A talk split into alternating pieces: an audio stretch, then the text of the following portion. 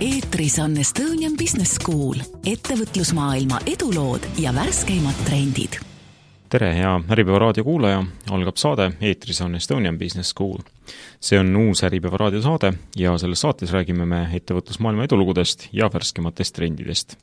mina olen Rivo Sarapik, olen Äripäeva toimetaja ja täna on selles saates mul külas Leonore Riitsalu, kes on EBS-i õppejõud, doktorant ja ta on ka rahatarkuse õpetaja ning äh, me räägime täna temaga sellest, miks targad inimesed teevad rumalaid otsuseid. ja sellist äh, küsimust ajendab küsima see, et äh, eestlased teavad väga hästi, kuidas peaks oma rahaasju ajama kuidas peaks investeerima ja pensioniks valmistuma, kuid nende käitumine ei lähe kokku nende teadmistega. miks see nii on, kus on kõige suuremad käärid ja kuidas seda rahatarkust äh, külvata rohkem nii lastesse kui ka teistesse inimestesse, sellest täna juttu tulebki. ja saate lõpuosas on meil ähm, tegelikult ka mõned praktilised soovitused, kuidas alustada oma rahalise seisu parandamist ja neid asju saab hakata tegema kohe tänase saate teema, seega siis miks äh, targad inimesed teevad rumalaid otsuseid ja mikrofoni ees on Leonore Riitsalu, head kuulamist! aga kuidas sellega Eestis loos, lood on, et äh, kas Eesti inimeste rahatarkus on, on heal tasemel või, või mitte? Vaat nüüd võiks rääkida niimoodi akadeemiliselt koolkondadest, on üks koolkond, kes näeb finantskirjaoskust just nimelt selle teadmiste ja oskuste kogumina, seda juhib selline kroonimata kuninganna Anna-Maria Lusardi, tema mõõdab finantskirjaoskust selle abil, et ta esitab kolm suurt küsimust, üks küsimus räägib inflatsioonist, teine riskide hajutamisest ja kolmas liitintressist ja kui inimene kõik need kolm küsimust õigesti vastab, siis on tema hinnangul tegemist finantskirjaoskaja inimesega. sellise uuringu andmetel on Eestis äh, pisut enam, kui ma õigesti mäletan siis, siis viiskümmend neli protsenti elanikest finantskirjaoskajad. Äh, mina selle vaatega pole päris nõus, minu meelest see on natukene ülelihtsustatud ja tegelikult äh, see teadmine, mis asi on inflatsioon või kuidas liitintressi arvutatakse, tõenäoliselt ei sega mul poes emotsioone osta tegemast või, või mingisugusel muul moel oma pikaajalisi rahalisi eesmärke kahjustamast. Mulle meeldib rohkem OECD lähenemine, nende nägemuses on finantskirjaoskus nii teadmised, oskused ja hoiakud kui ka tegelik käitumine. Selles vaates on nii, et kui võtta see juppideks lahti, siis teadmiste ja oskustega on Eestis väga hästi, alati juhime edetabeleid nii äh, lapsed PISA testis kui täiskasvanud siis rahvusvahelises OECD uuringus, aga vaat kui läheme sinna käitumise juurde, siis äh, ei ole põhjust uhkust tunda, sest siis me oleme tagantpoolt seal juhtivatel kohtadel. Väga hea, sellest me räägime mõne aja pärast natukene pikemalt, aga enne me peaksime veel selgitama, et mis siis juhtub, kui seda rahatarkust pole või see tarkus on napp, et et mis selle tulemus on, mõtlen, võib võtta nii üksikisiku tasandil kui võib-olla ka inim, inimgruppide või, või ka riigi tasandil, et mulle väga meeldib eh, PISA testis kasutusel olnud definitsioon, mis rõhutab eh, lisaks juba eelmainitule ka seda, et on vaja motivatsiooni ja kindlust eh, neid teadmisi ja oskusi rakendada ja, ja see lõpeb sõnadega, et saavutamaks rahalist heaolu ning olema ka ühiskonna täisväärtuslik liige, ehk siis kui inimene saab ise oma rahaasjadega hakkama, siis ta ei vaja toetust, teiste abi, vastupidi, ta on palju vabam oma valikutes, ta ei ole niivõrd sõltuv oma tööandjast või, või muudest sellistest äh, tingimustest, selle asemel ta võib teha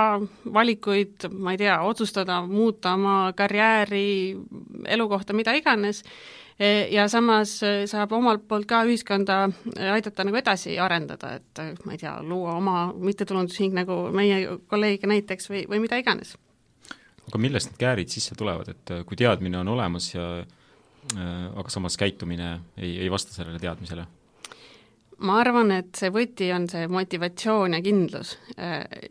eelkõige motivatsioon, et siin võib paralleele tuua tervisekäitumisega. ma tean küll, kuidas oleks õige eh, toituda, ma tean küll, et ma peaksin märkimisväärselt rohkem sporti tegema, aga tegelikult on ikkagi võrdlemisi mugav täna endale öelda, et eh, see tükk kooki ei tee mulle veel midagi viga ja ma võin selle rahulikult lubada ja küll ma homme lähen trenni. umbes samamoodi juhtub ka rahaasjades, et eh, noh, ma tean küll, et peaksin võib-olla eelarvet pidama, säästma, raha kõrvale panema ja oma pikaajaliste eesmärkide nimel raha koguma aga noh, täna ma võin ju veel endale selle ostu siin lubada, küll ma homme äh, mõtlen, valin võib-olla siis, kui palk tõuseb, hakkan rohkem investeerima ja, ja, ja nii edasi, aga lihtsalt võib juhtuda, et, et alati on mingisugune põhjus, miks just täna veel ei ole hea aeg selle otsuse või käitumise tegemiseks. kas motivatsiooni jääb puudu sellepärast, et äh, täna on ju raha olemas ja, ja otseselt ju ei pigista kuskil, et äh, vastupidi, koogitüki söömine on ju väga meeldiv tegelikult? Jah, ühest küljest eh, võib teil õigus olla, et eh, lihtsalt täna on kõik nii hästi, et tundub, et eh, ei olegi ohtu, et kunagi hakkaks halvemini minema. tegelikult psühholoogid täiesti seda toovadki välja, et, et üheks põhjuseks, miks rahaasju nii arukalt ei käitu-, ei korraldata, on just nimelt liigne enesekindlus ja optimism, et küll ma ikka kuidagi hakkama saan. või siis teiselt poolt võib olla ka see, et ah, ma niikuinii ei saa seda teha. niikuinii mu sissetulekud on nii väikesed, niikuinii pakutavad teenused on nii sandid, niikuinii pensionisüsteem on see ja teine, ehk et ah, et nagu ei, ei olegi võimalik, et, et ühest küljest kindlasti on inimesi, kellel tõesti on eh, rahaliselt eh, raske hetkel, aga samas võib-olla on paljude jaoks ka see pigem nagu õigustus iseendale, et, et et ma ei taha ju öelda endale, et ma olen laisk ja ei viitsi tegeleda selle teemaga, palju mugavam on öelda, et ma ei saagi sellega tegeleda, sellepärast et kõik teised on süüdi. kas on mingid niisugused ähm, selged puudujäägid, mis joonistuvad välja just käitumise poole peal näiteks, et et kus kõige rohkem nii-öelda logiseb või, või katki on?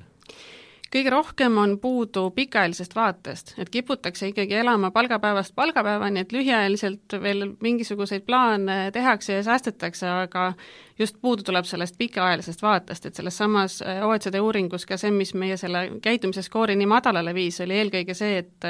me ei ole väga orienteeritud kaugema tuleviku rahalistele eesmärkidele, et pigem ikkagi elatakse nii, et, et oleks täna hea olla. kui palju pikalt ette planeerib keskmine eestlane näiteks oma rahaasju?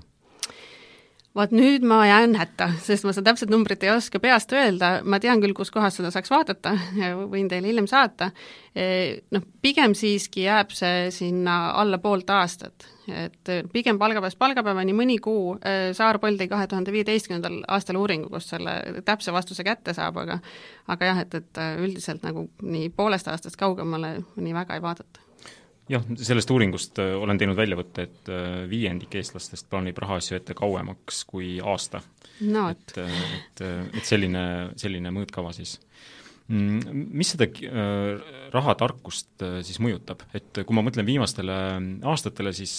tohutult räägitakse investeerimisest ja, ja tegelikult räägitakse päris palju sellest vajadusest ise võtta rahaasjad nii-öelda enda kätte, sest me oleme aru saanud, et teine pensionisammas, mis selle käivitamisel pidi tähendab, selle käivitamisel äh, võib-olla sisendati või reklaamiti meile, et see hakkab meile tooma olulist pensionilisa, siis tänaseks on selgunud, et see nii läinud ei ole, ehk et äh, riigile loota ei saa, et sa ei saagi kellelegi peale iseenda loota. ja investeerimine on tohutult kuum praegu, et kõik investeerivad, sellest räägitakse äh, hästi palju ja kas see aitab kaasa? kindlasti aitab kaasa, ma küll tahaksin selles mõttes hoiatada, et võib-olla siin Äripäeva toimetuses tundub, et kõik räägivad investeerimisest, et selles mõttes ta on ikkagi teatud seltskondades hästi populaarseks muutunud, et see ei, nüüd ei tähenda, et absoluutselt kõik inimesed üle Eesti on äkki hirmsasti hakanud investeerimishuvilisteks. see on tõsi, et jah, neid investeerimisklubisid, investeerimisblogisid on hästi palju juurde tulnud ja minu meelest see on lihtsalt suurepärane. tegelikult eh, küsisite, et mis, mis on see, mis aitaks, tegelikult ongi just see eh, teiste inimeste mõju, ehk inimesed nagu mina, kui ma näen, et inimene, kes on enam-vähem minu moodi, elab enam-vähem sarnastes tingimustes, on enam-vähem sarnaste sissetulekute, väärtushinnangute, vajadustega, kui ma näen, et tema suudab raha kõrvale panna, siis tõenäoliselt suudan ka mina, kui ma näen, et ei peagi omama, ma ei tea, magistrikraadi rahanduses selleks, et oleks võimalik äh, üleüldse investeerimisega alustada, siis tõenäoliselt ma julgen ka nagu selle esimese sammu võtta, et sellised sotsiaalsed normid ja, ja nende muutumine on kahtlemata hästi tugeva mõjuga. jah, me enne saadet jõudsime tegelikult korraks rääkida sellest, mida ka meie toimetuses tajume, on see, et investeerimist võetakse tihti kui tohutult keerulist asja, millega tegelevad mehed lipsudega ja see on igav ja, ja keeruline, millest sa ei näri läbi, kui sul ei ole, ma ei tea, mitut kõrgharidust võib-olla finantsalal. et äh, need igasugused liikumised, äh, mis viimastel paaril, viimastel aastatel on siis kerkinud, äh, nad tegelikult mu-, muravad seda müüti edukalt, et meil on Naisinvestorite klubi, investeerimisklubi, kutsub edukaid inimesi, kes investeerivad, rääkimagi oma kogemusest, et sul on võimalik seda samastada. investeer-, investor Toomasel on tohutu fännklubi, kes samamoodi küsib temalt selliseid hästi, hästi lihtsaid küsimusi aga see rahatarkus algab ju tegelikult äh, või võiks alguse saada ju juba ka noorest east, et kas, kas sellest oleks kasu, kui näiteks koolis juba hakatakse rääkima sellest, et et kuidas planeerida ja, ja miks, mis üldse raha on ja mis selle roll on ja, ja kuidas oma jõukust kasvatada, et et kas see aitaks? jaa, kindlasti ja isegi mitte koolis, vaid juba lasteaias, et tegelikult on Eestis olemas ka selline dokument nagu riiklik finantskirjaoskuse edendamise programm ja seal tegelikult on eelkooliealised ka üks sihtrühm. tõsi, kõige rohkem tähelepanu on siiski saanud just nimelt kooliealised minu meelest Eesti koolides ikka praktiliselt kõikjal äh, rahaasjadest ka räägitakse, äh, mingisugusel määral on ta sees ka riiklikus õppekavas, äh, on olemas õppematerjale, on loodud siin erinevate avaliku erasektori osapoolte koostöös, on äh, finantsabits olemas, mida saab kasutada ja nii edasi, et äh, jah, kahtlemata koolis tasub neid teemasid õpetada, aga tasub jällegi silmas pidada seda, et, et me mitte ainult ei parandaks siis seda teadmiste skoori, mis on niigi juba väga kõrge, vaid vaataks ka käitumist, et tegelikult mis oli hästi huvitav, et kui PISA testis Eesti õpilased olid maailmas kolmandal kohal oma finantskirjaoskuse tasemelt, siis kui nüüd äh, kolm aastat hiljem toimus äh, täiskasvanute uuring, kus needsamad õpilased olid jõudnud saada kaheksateistaastaseks, siis me palusime Saarpollil valimisse neid võtta rohkem, kui oleks äh, esinduslikus valimis vajalik, just nimelt selle eesmärgi, et vaadata, et kui nad nii, nii nutikad on, et kas nad siis ka käituvad nii nutikalt. Ja no loomulikult käitumise mõttes sarnanesid nad rohkem minuealistele inimestele, ehk siis käitumine ei olnud neil ka sugugi hiilgav. noh, tõsi, see eh, vanuseetapp on veel selline, kus oma sissetulekuid võib-olla ei ole ja elatakse vanematega, mistõttu võib-olla noh, ei peagi nagu nii, eh, nii ratsionaalne olema kui täiesti iseseisev inimene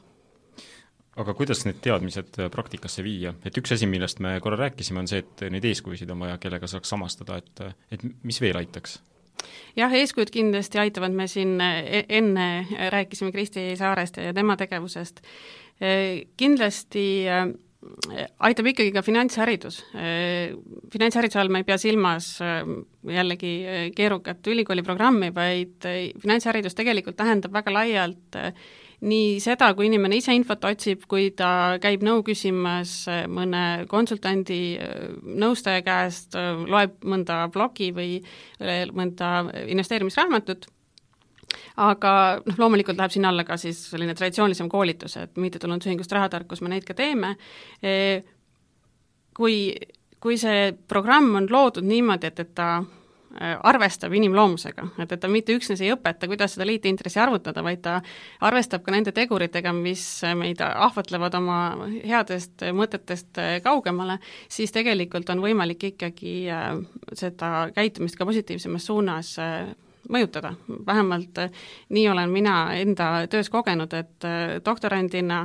kogun alati andmeid, kus vähegi võimalik, nii ka Tartu Ülikoolis eh, finantskirjaoskuse ainet lugedes korraldasime seal pisikese eksperimendi tudengitega, et vaadata, kuidas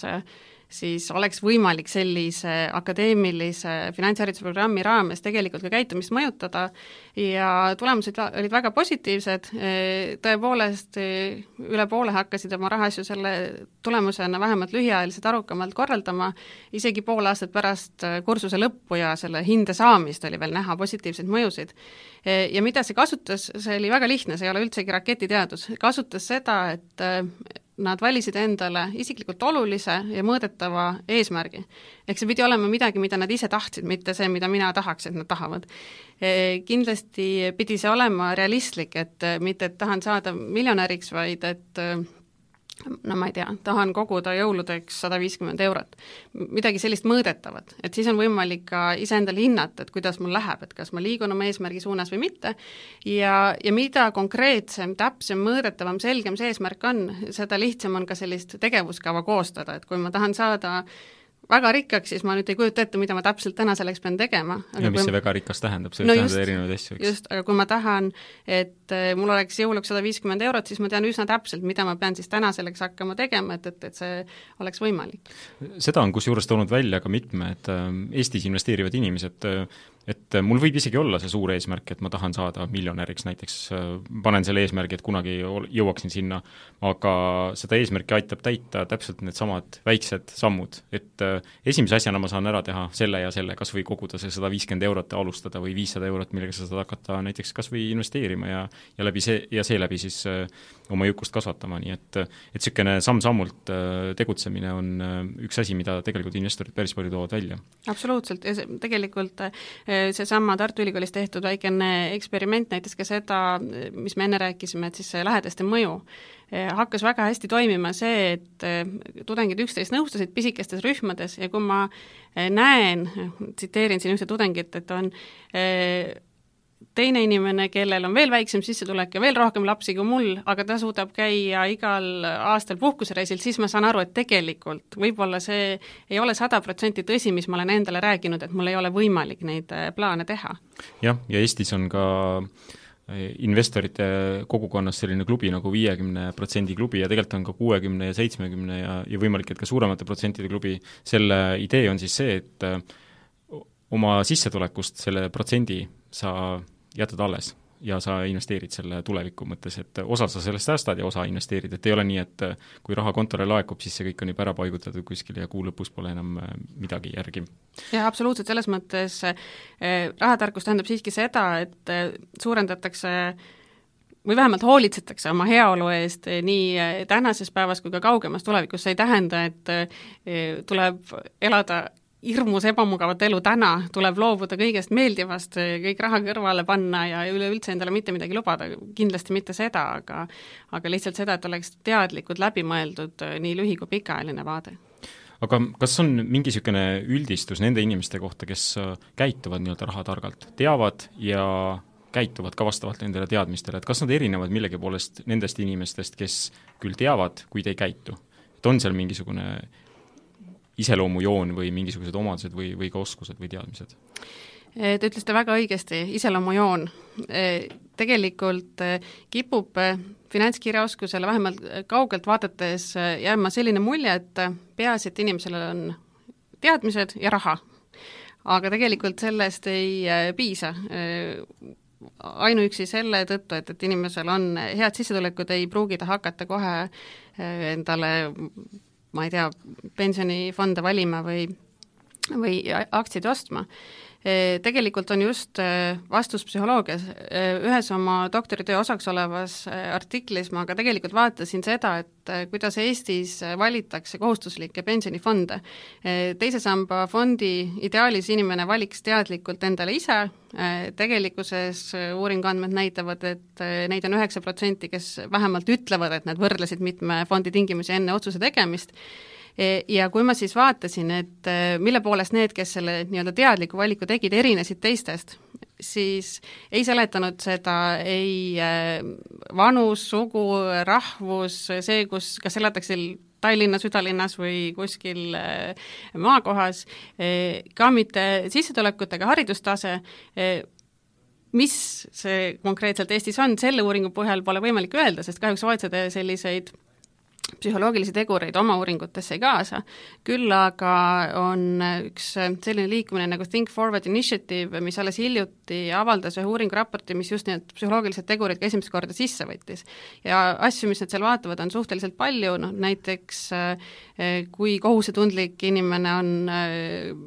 milline on tema kontrollikese, et kas ta arvab, et, et ta, ta ise vastutab kõige selle eest, mis juhtub, või pigem on kõik ümberringi selle eest vastutavad ja nii edasi, et tegelikult sinna suunas see, see, see valdkond praegu lähebki, et, et hakata põhjalikumalt uurima just neid iseloomujooni, psühholoogilisi tegureid, mis neid äh, otsuseid mõjutavad. ehk et ähm, võib-olla ei peaks vaatama oma rahakäitumist alustuseks näiteks, vaid üldse oma käitumist, sest äh, kui ma käitun impulsiivselt või äh, ma ei tea, teen otsuseid lühiajalist kasu arvestades mis iganes põhjusel siis, et siis ma ei tee ju ainult seda raha küsimustes, vaid igal pool mujal, nii elus, ka tööl, kui sõpradega suheldes, kui ka kõikide teiste otsuste puhul. et tegelikult see kui ma tahan saada jõukamaks ja oma tulevikku kindlustada, siis ma võiksin alustada kõigepealt iseendast, vaadata korra, kuidas, kuidas ma toimin üldse, kuidas ma käitun ja miks ma nii teen absoluutselt, teil on täiesti õigus, sellepärast et tegelikult astuks isegi veel sammu tagasi, kõige olulisem ongi korra peeglisse vaadata. Ma ei taha sugugi öelda, et nüüd inimene, kes on väga impulsiivne, peaks ennast kuidagi käsist ja jalust kinni siduma, et, et ta jumala eest enam rohkem raha raisata ei saaks, aga pigem, et korraks endale teadvustada, et äh, mida ma teen, miks ma nii teen, natukene analüüsida, võib-olla need esimesed põhjused on pigem sellised, mida on endale mugav öelda äh, ja, ja siis mõelda, et äh, kas ma tahan siin midagi muuta ja kui ma tahan, siis mida selleks teha. Inglise keeles on selline termin nagu commitment devices, ma ei tea, kuidas, pühendumusseadmed -hmm. ei, ma ei tea, kuidas on eesti keeles õige öelda, ehk siis kõikvõimalikud lahendused, mis aitavad siis nii-öelda iseennast taltsutada, kui on näiteks mingisugune eesmärk. tervisekäitumisel on heaks näiteks need aktiivsusmonitorid, mis tuletavad meelde, et joo vett või kõnni veel sada sammu ja samas nad annavad ka tagasisidet, et kui kaugel sa oma eesmärgist oled, mida su sõbrad teevad, sõbrad saavad kiita või siis äh, tagant utsitada. et tegelikult samasugused asjad võiksid toimida ka rahaasjade korraldamisel. tõsi, natukene keerukam on seda korraldada kui võib-olla sammude lugemist, aga aga noh, põhimõtteliselt selliseid nii-öelda pühendumusseadmeid oleks siis hea võib-olla kasutada, kui, kui endale tundub, et, et neid oleks vaja. jah, jällegi üks soovitus Eesti investoritelt, mis on mitmel pool läbi kõlanud, on see, et äh, tee mingid püsikorraldused, näiteks et kui su kontole laekub mingi raha ja sinu eesmärk on, ma ei tea, koguda raha või, või sa tahaksid seda investeerida mingil moel siis, et see kantakse sealt ära automaatselt, nii et sa ei näe, et sa ei pea hakkama selle üle otsustama, ehk et et sul on üks konto, kuhu ma kogun raha näiteks oma järgmiseks aktsiatehinguks, see raha võetakse naksti esimese asjana maha, kui see raha sinna kontole laekub palgapäeval näiteks, et siis isegi ei teki seda kiusatust ja mõtet, aa tegelikult ma võib-olla panen järgmine kuu sinna võib-olla näiteks rohkem ja siis et siis hoopis jätkan investeerimist ja täna lähen panen hoopis pidu. Ja selle kohta öeldakse inglise keeles erinevate finantshariduse soovituste juures, et pay yourself first, et maksa kõigepealt iseendale, et, et nii samamoodi nagu maksad elektriarvet, maksa ka iseendale oma mis iganes eesmärkide jaoks see raha üle, et, et selles mõttes see on minu meelest väga hea eh, viis, et, et noh, jah, siin tehakse seda erinevalt, et kes eh, on teinud püsikorralduse, et, et see läheks kohe kuhugi teisele kontole, millel pole kaarti ega ei ole võimalik kuidagi sealt seda raha niimoodi juhuslikult kätte saada, eh, kes paneb sularahas kuhugi madratsi alla ja nii edasi, aga, aga noh, põhimõtteliselt selline viis kindlasti on üks variant ennast nii-öelda selle jõukuse suunas nihutada. jah, ja kusjuures see on äh, tegevus, mis ei pruugi jätkuda võib-olla aastate pärast, et kui see esialgu tundub sulle tohutult äh, keeruline või ahistav, siis äh, võib-olla seda on vaja lihtsalt alustamiseks, näiteks ma ei tea, harjumuste muutmiseks, ütleme, pooleks aastaks või aastaks ja sa saad selle ratta käima, sa näed, et tegelikult mul ei olegi vaja võib-olla seda ma ei tea, mis iganes ostu ma teen, siis uusi tosse või uut kleiti või uut mantlit, et see vana käib küll ja mul jääbki sellest, ma ei tea, viiskümmend eurot igal kuul üle, mis aastas annab kuussada eurot, sellega juba saab üht-teist teha just, lastele õpit-, õpetatakse seda, et eh, tee vahet eh, soovidel ja vajadustel. tegelikult täiskasvanutel on samamoodi, et kas mul on seda kleiti või kohvitopsi praegu vaja või ma lihtsalt tahan seda ja võib-olla siis on võimalik ka seal mingisugune korrektiiv teha. Eh, ühel rahatarkuse koolitusel ma nägin väga vahvat asja, jälle tulles tagasi nende commitment device'ide juurde, koolitus oli kestnud juba üle nelja akadeemilise tunni ja ma natukene kahlesin ja kõhklesin, kas ma liigun õiges suunas ja, noh, eestlane ei ole väga aldis tagasisidet andma, et ega sa täpselt ei tea, mis ta seal mõtleb, ja, ja siis üks hetk üks noorhärra võttis oma rahakoti välja ja tal seal rahakoti vahel olid sellised värvilised sildid oma erinevate eesmärkidega, siis ta ütles, et need on tal silme ees, et kui ta nüüd poes tahab osta midagi, siis eh, ta vaatab neid ja vaatab, et kas see nüüd soov või vajadus ja, ja kas seda ostu on eh, mõtet sooritada. et tegelikult sellised lihtsad, võib-olla lapsikud asjad, aga toimivad ka väga hästi. see tekitab sellise mõttepausi tegelikult, äh, mis võtab sellele imp-, impulsil natukene hoogu maha, ehk et äh, ma korraks mõtlen selle peale ja ma tean, et paljud inimesed, kes näiteks äh, samamoodi investeerivad ja soovivad rikkust koguda, näiteks suuremate ostude puhul, nad võtavad mõtlemisaja kakskümmend neli tundi. et sa mm -hmm. ei mhm. tee seda otsust kohe ära, vaid kui ma homme tunnen ka, et mul seda mhm. tõesti on vaja, ma seda tahan, siis ma teen selle otsuse, mitte ei ole nii, et nii kui mõte tuleb, nii kohe jooksen poodi, ostan ja siis pärast kahetsen, et, et see aitab ka päris palju, et võta see mõttepaus vahepeal seal, et see kindlasti võib hoogu maha tõmmata mõnikord. just, äh, käitumisökonoomikas öeldakse selle kohta kuum ja külm mina või siis tegutseja versus planeerija, ehk siis et äh, selles kuumas emotsionaalses äh, staadiumis me tahame oma heaolu parandada kohe praegu, ilma mõtlemata, kas see on tegelikult ratsionaalne või mitte, ja see külm või, või see planeerija, selline tubli finantskirjaoskaja mina, on siis see, kes arutleb, et, et kas on mõtet ja nii edasi. aga paha lugu on see, et, et nendesamade siltidega näiteks, et, et selles hetkes, kui me oleme juba seal kassas, siis võib-olla tegutseb see kuum või emotsionaalne sest selja taga on järjekord ja jah, ja, ja teisest küljest see asi, mis on käes, see tundub juba minu oma, et, et on selline termin nagu endowment efekt, ehk et, et ta juba tundub, et see on minu oma, mistõttu on juba nagu väärtuslikum, kui ta võib-olla tegelikult on. E-, ehk siis võib-olla see hetk on juba tegelikult natukene hilja, et tegelikult oleks hea tabada ennast sellises leiges hetkes, kus, kus me juba nagu hakkame mõtlema, et, et tahaks selle eh, ostu sooritada või selle valiku teha ja siis täpselt nii, nagu, nagu te ütlesite, minna koju ja mõelda järele ja kui ikkagi tõesti neid saapaid või kleiti on väga vaja, siis saab ju homme sinna tagasi minna. teeme siinkohal kiire pausi ja jätkame samal teemal juba mõne hetke pärast. eetris on Estonian Business School, ettevõtlusmaailma edulood ja värskeimad trendid. äripäeva raadio eetris on Estonian Business School, ettevõtlusmaailma edulood ja värskeimad trendid. tere tulemast tagasi, te kuulate saadet Eetris on Estonian Business School. tegemist on Äripäeva raadio uue saatega, kus me räägime ettevõtlusmaailma edulugudest ja tähtsamatest trendidest. täna on meil külas Leonore Riitsalu, kes on EBS-i õppejõud ja rahatarkuse õpetaja ning me räägime temaga sellest, miks targad inimesed teevad rumalaid otsuseid seda küsimust ajendas küsima see, et eestlaste teadmised rahaasjadega korraldamisest, näiteks investeerimisest ja pensionist, on head, kuid nende käitumine sellele teadmisele ei vasta. miks see nii on ja kuidas saaks oma rahalist seisu kiiresti parandada, see ongi tänase saate teema. jätkame sealt, kust me enne pausi pooleli jäime, head kuulamist! aga märksõna käitumisökonoomika, Richard Thaler on äh, on üks nimi, kes äh, selles valdkonnas äh, esile kerkib ja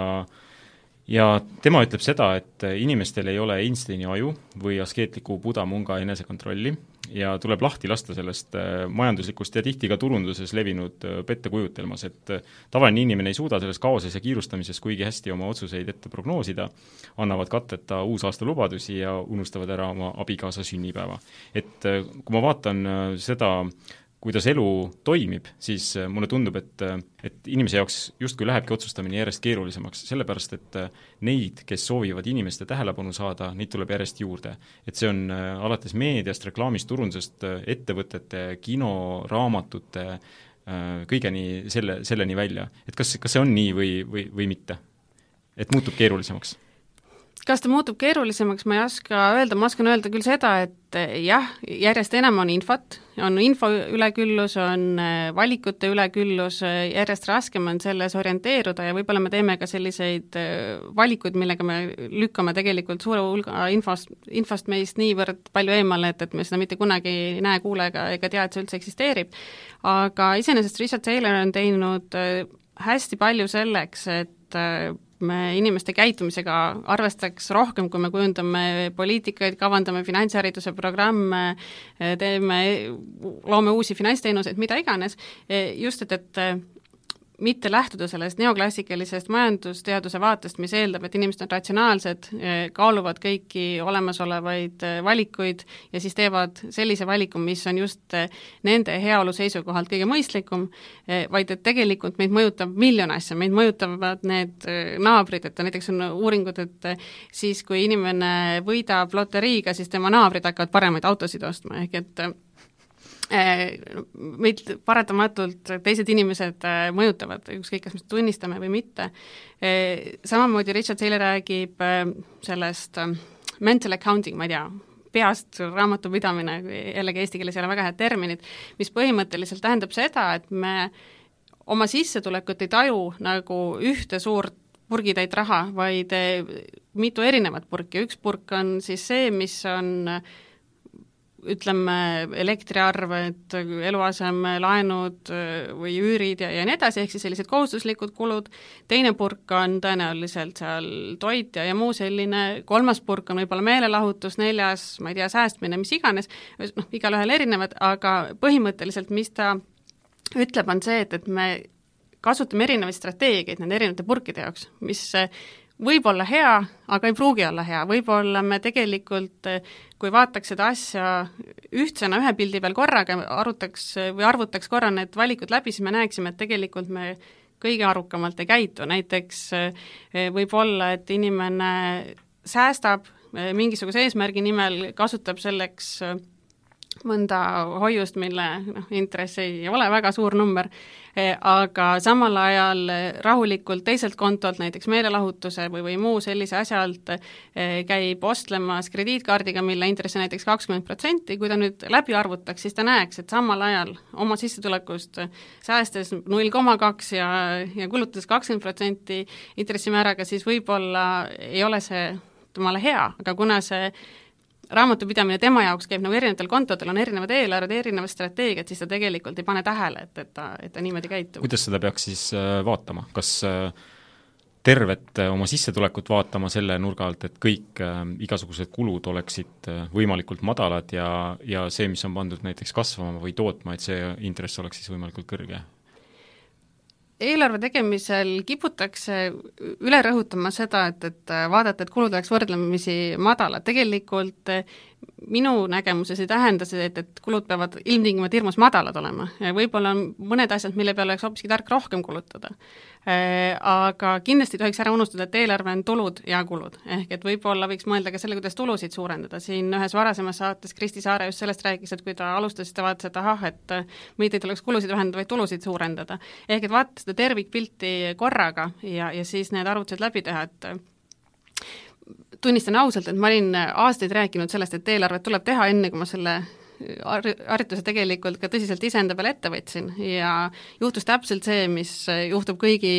koolitusel osalejatega, kes pole varem eelarvet, eelarvet teinud, ehk inimene saab ikkagi šoki, et no issand jumal, mingisuguste mõttetute pisikeste asjade peale kulub tegelikult nii suur summa ära. et, et kui see šokk korra läbi elada, siis võib-olla on võimalik ka nagu nende erinevate purkide strateegiaid natukene kohandada. ja see võib-olla aitab ka nende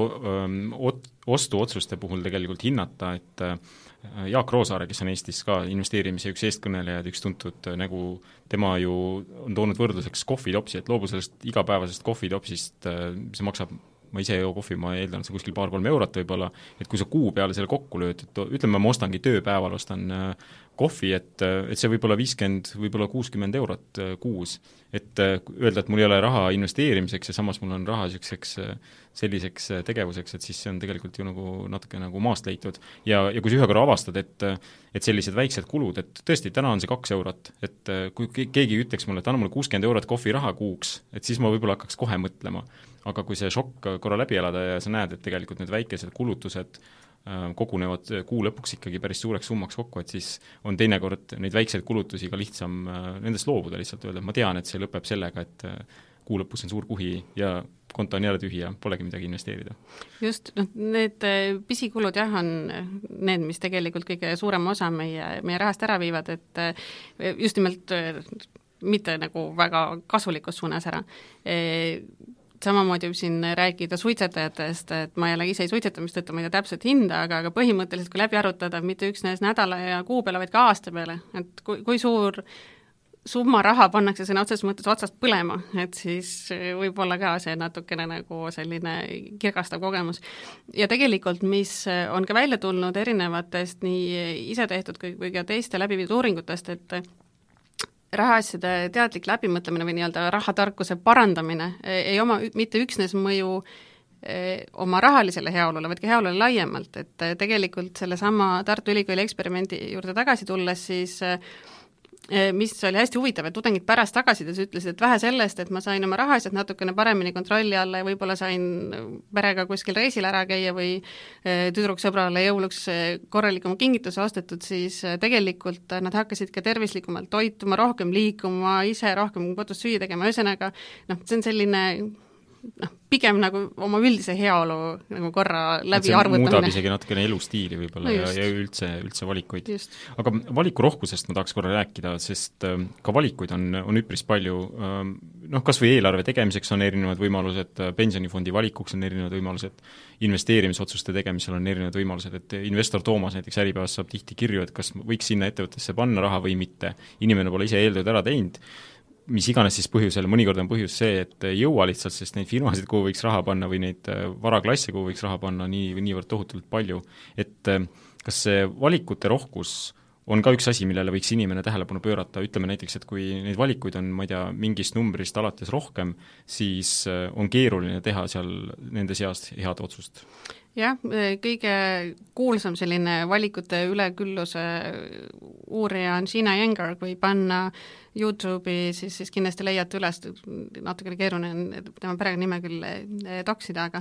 eh, põhimõtteliselt tema on uurinud nii moosipurkide, šokolaadi kui pensionifondide valimist ja ta näitab seda, et meile küll õudselt meeldib, kui on suur valik, sest meile tegelikult tundub, et siis on meil rohkem vabadust, rohkem võimalusi, aga tegelikkuses me ei suuda nii suure valiku hulgast seda otsust ära teha, et siis me juba pigem kipume rääkima jah, sellest, et teeme järgmine kord või, või, või mõtleme veel ja, ja, ja kunagi järgmisel kuul või, või tont teab millal,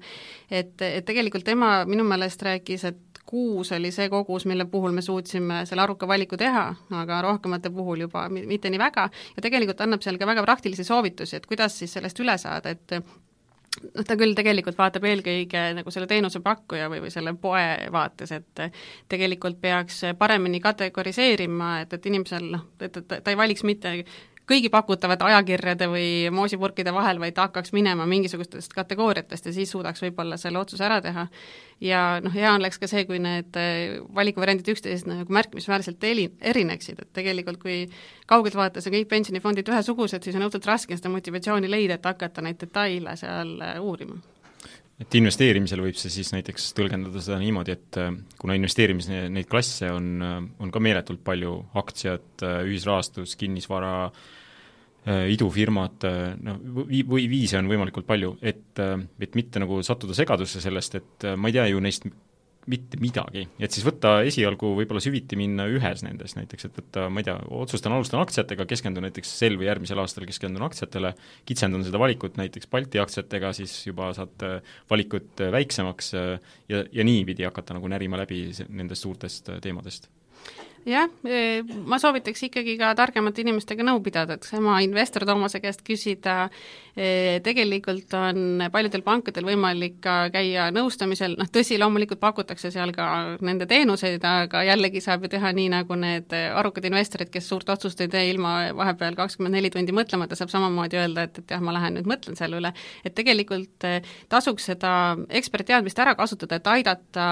läbi mõelda enda soovid, vajadused, võimalused, eesmärgid ja siis hakata jah, sealt nagu edasi kaevama, et samamoodi need investeerimisklubid, et või investeerimisblogid, investeerimisblogisid on mustmiljon, eh, vaadata milline see blogija tundub rohkem olevat minu sarnane, sarnaste väärtushinnangutega sarnases eh, situatsioonis ja võib-olla siis vaadata, mida tema teeb. Ja loomulikult vastutus tuleb ikka ise võtta, mitte kellegi teise kaela jätta, aga ka võib-olla sealt siis saab need esimesed sammud kuidagi nagu valutumalt teha kas on mingeid viise ka, kuidas saab inimest panna mõtlema või suunata vähemalt mõtlema oma pensionipõlve peale, et see tundub niivõrd kauge, et kui ma ütlen, et ma tahan oma jõukust suurendada, siis see tundub äh, asi, mida ma saan ju, mis mulle täna ka meeldiks juba, pensionini mul on kolmkümmend, nelikümmend aastat aega, mis ma siis täna selle peale mõtlen, vaatame siis, kui tuleb. et, et on mingeid viise, kuidas saaks seda teha, panna inimest mõtlema sellele?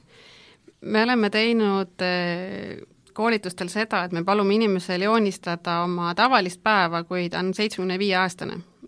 mitte seda päeva, kui tulevad kõik juubilari õnnitlema torti ja lilledega, vaid täiesti tavalist päeva. ja seda on hästi vahva vaadata, kuidas need, kes on juba noh, ma ei tea, viiskümmend pluss, nendel on suhteliselt realistlik lähenemine. Need, kes on kakskümmend viis,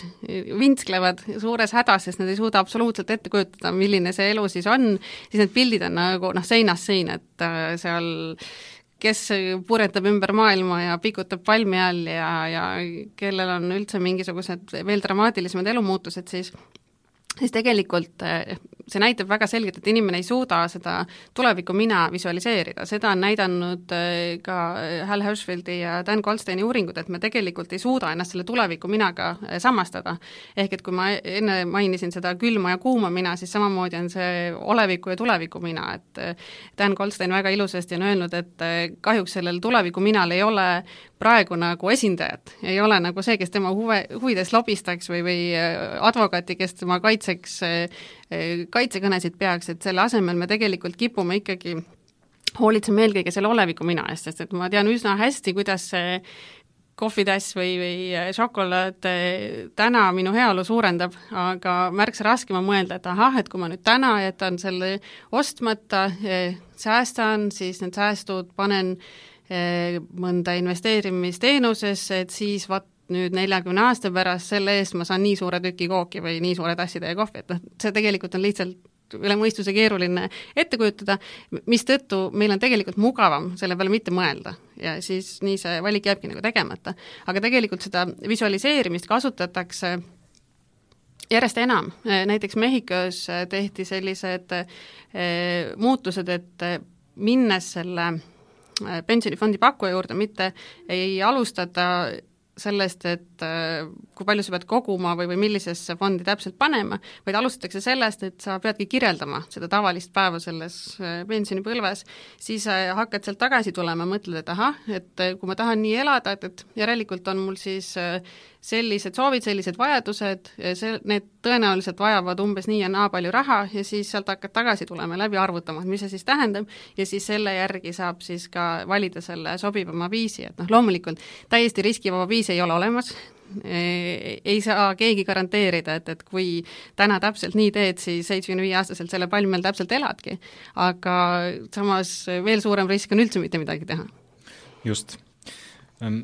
korraldate ka koolitusi, et äh, mida seal küsitakse kõige rohkem nii jõukuse, rahatarkuse kui ka, kui ka pensioni kohta? et kas on mingid niisugused joonistuvad, läbijoonistuvad küsimused, mis pidevalt kerkivad esile? no eks ikka tulevad need küsimused, mis saab investor Toomas, Kristi Saare ja, ja kõik muud, kes sellega tegelevad, ehk et kuhu ma siis täpselt peaksin nüüd investeerima, öelge, et mis on see aktsia, mis on see varaklass, mis on see teenus, mis on see fond, et kuhu ma selle raha pean täpselt panema, e, aga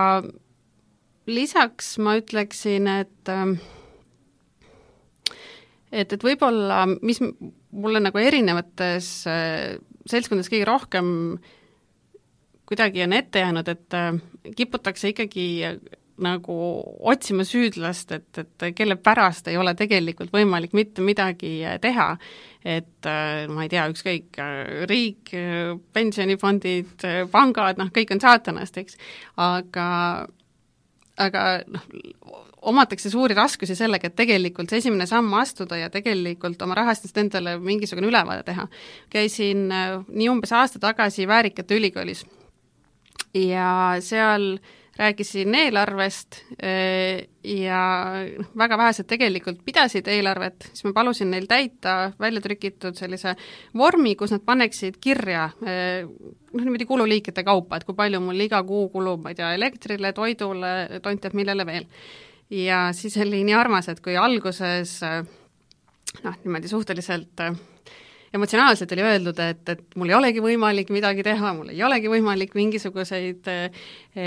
viise kasutada, et oma raha kasvatada, siis eh, selle eelarve tegemise käigus need emotsioonid muutusid hoopis teistsuguseks ja öeldi pigem seda, et tont teab, et kuhu see raha siis mul nagu nüüd tegelikult kaob, et kui ma nüüd selle läbi arvutan, siis mul peaks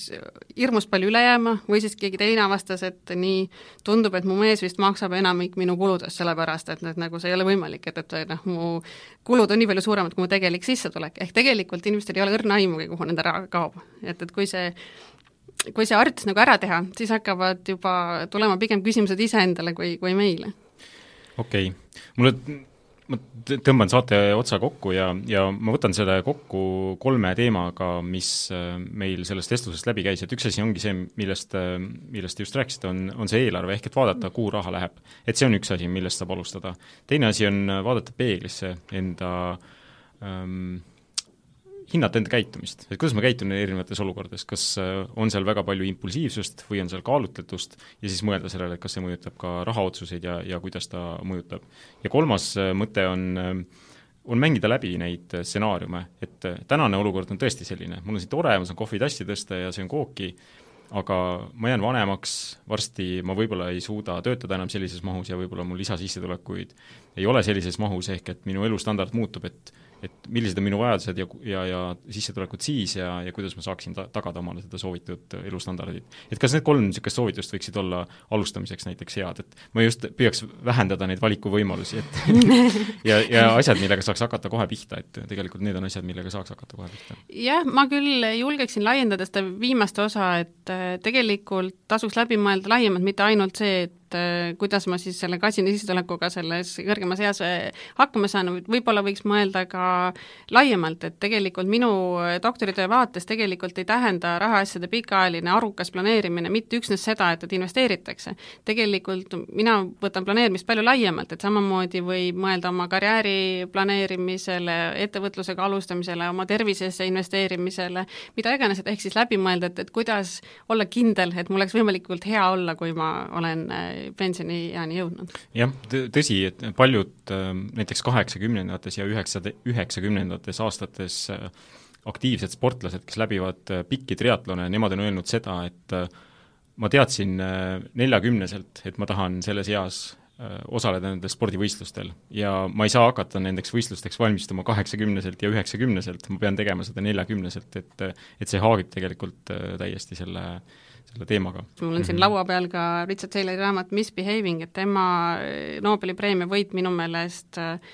oli tohutult suur ja hea asi, mis näitab, et eh, kui on tahtmine, siis on võimalik ikkagi kuhugi jõuda, et ta alustas ligi nelikümmend aastat tagasi oma uurimustega, esialgu ujus nii tugevalt vastuvoolu, et tal oli raskusi oma artiklite avaldamisega, ta sai konverentsidel vastu päid ja jalgu, nii et et tegelikult ma tajun tema seda raamatut kergelt ka nagu eneseabiraamatuna, kuna ka finantskirjaoskuse uuring, uurimisel ma vahest ujun kergelt vastuvoolu ehk et nagu selle domineerivale vaatele vastu, aga nüüd, tänaseks on siis nelikümmend aastat hiljem, hoolimata sellest, et algul teda ei tahetud avaldada, nii et ta pidi lausa täiesti uhiuude ja äsja loodud täiesti tundmatusse ajakirja oma artikli lõpuks toppima, siis nüüd tänu sellele on ta siis niivõrd tunnustatud, tal on see preemia, kõikvõimalikes riikides tegutsevad nügimise üksused, nudge units, behavior insights teams, eh, hästi populaarne on olla behavioral scientist eh,, kui vaadata ringi, siis eh, Äh, hästi äh, palju kõikvõimalikke valdkondi inimesi kleebib endale seda behavioral insights, behavioral scientist äh, silti otsa ette ja, ja, ja kõik tegelevad nügimisega, et, et tegelikult on minu meelest õudselt kihvt vaadata, kuidas sellise kirega inimkäitumise uurimise vastu on lõpuks sellest hallist seinast võimalik läbi jõuda ja, ja tegelikkuses ka seda laias skaalas muutma hakata. Ehk äh, tema teos võiks olla soovitud äh, lugemise nimekirjas, mida võiks läbi lugeda? kahtlemata. et see aitab äh, nii ennast kui inimeste käitumist laiemalt mõista ja võib-olla ka ettevõtliku inimese poolt, kellel näiteks on ettevõte ja tal on vaja turundada või müüa inimestele, et siis, või ka poliitikutel, et kes peavad maha müüma asju inimestele, et siis võib ju ka neil kasu olla sellest? võib kasu olla, kuigi ma ütleksin, et äh, ma soovitaks seda eelkõige sellisele varase karjääri teadurile just äh, kõige enam nagu lugeda, et tegelikult neid äh, raamatuid, mida võib-olla lugeda mm, teie mainitud inimestel, ma tegelikult soovitaksin võib-olla tema kõige tuntumat teadust Nudge mis on siis sellest, kuidas aidata inimestel arukamaid otsuseid teha nii tervisekäitumisel, rahaasjade planeerimisel kui kõikides muudes valdkondades, ehk et see, see on selline, mis minu meelest võtab väga hästi nagu selle kokku ja ta on ka suhteliselt nagu mõnusasti kirja, kirjutatud, et seda on hea lihtne lugeda. jah, nimi on siis Richard Taylor, T-H-A-L-E-R, et kui lüüa see otsimootoritesse sisse, siis kindlasti jõuab nende teosteni, et tegemist on tuntud nimega selles valdkonnas. just nüüd ütlen äh, aitäh mm -hmm. ja jõudu selle esimese sammu astumisel, ehk siis äh, selle peeglisse vaatamise harjutuse tegemisel ja, ja võib-olla tegelikult ei saa mitte vait jääda, et tegelikult äh, ma ikkagi soovitaksin ka endale see konkreetne eesmärk nagu seada, et, et just selline, mis nagu iseendale tundub oluline, mida ma tahaksin, et ma saaksin, mida ma saavutaksin kas selle aasta lõpuks või järgmiseks kevadeks või mis iganes ajahetkeks, ja, ja siis nagu see mõttekäik läbi teha, et kuidas selle suunas liikuma hakata, sest tegelikult need igasugused kohvitassi ostud ja muud taolised on ikkagi ju harjumused ja harjumust üleöö ei muuda, aga kui näiteks ühe eesmärgi nimel tegutsedes vähemalt lühiajaliselt olete sunnitud nagu näiteks need kohvitassid iga päev ostmata jätma, siis tegelikult te märkate, et võib-olla see, miks te seda ostsite, ei olnud mitte see, et, et teil oli hirmsasti sel hetkel kohvi vaja, vaid see oli hoopiski mingisuguse muu asja pärast, et et võib-olla siis on ka lihtsam neid käitumise muutusi aktsepteerida. aga see on hea koht, kus äh, tänane saade ära lõpetada, aitäh kuulamast ja kuulmiseni! Aitäh! eetris on Estonian Business School, ettevõtlusmaailma edulood ja värskeimad trendid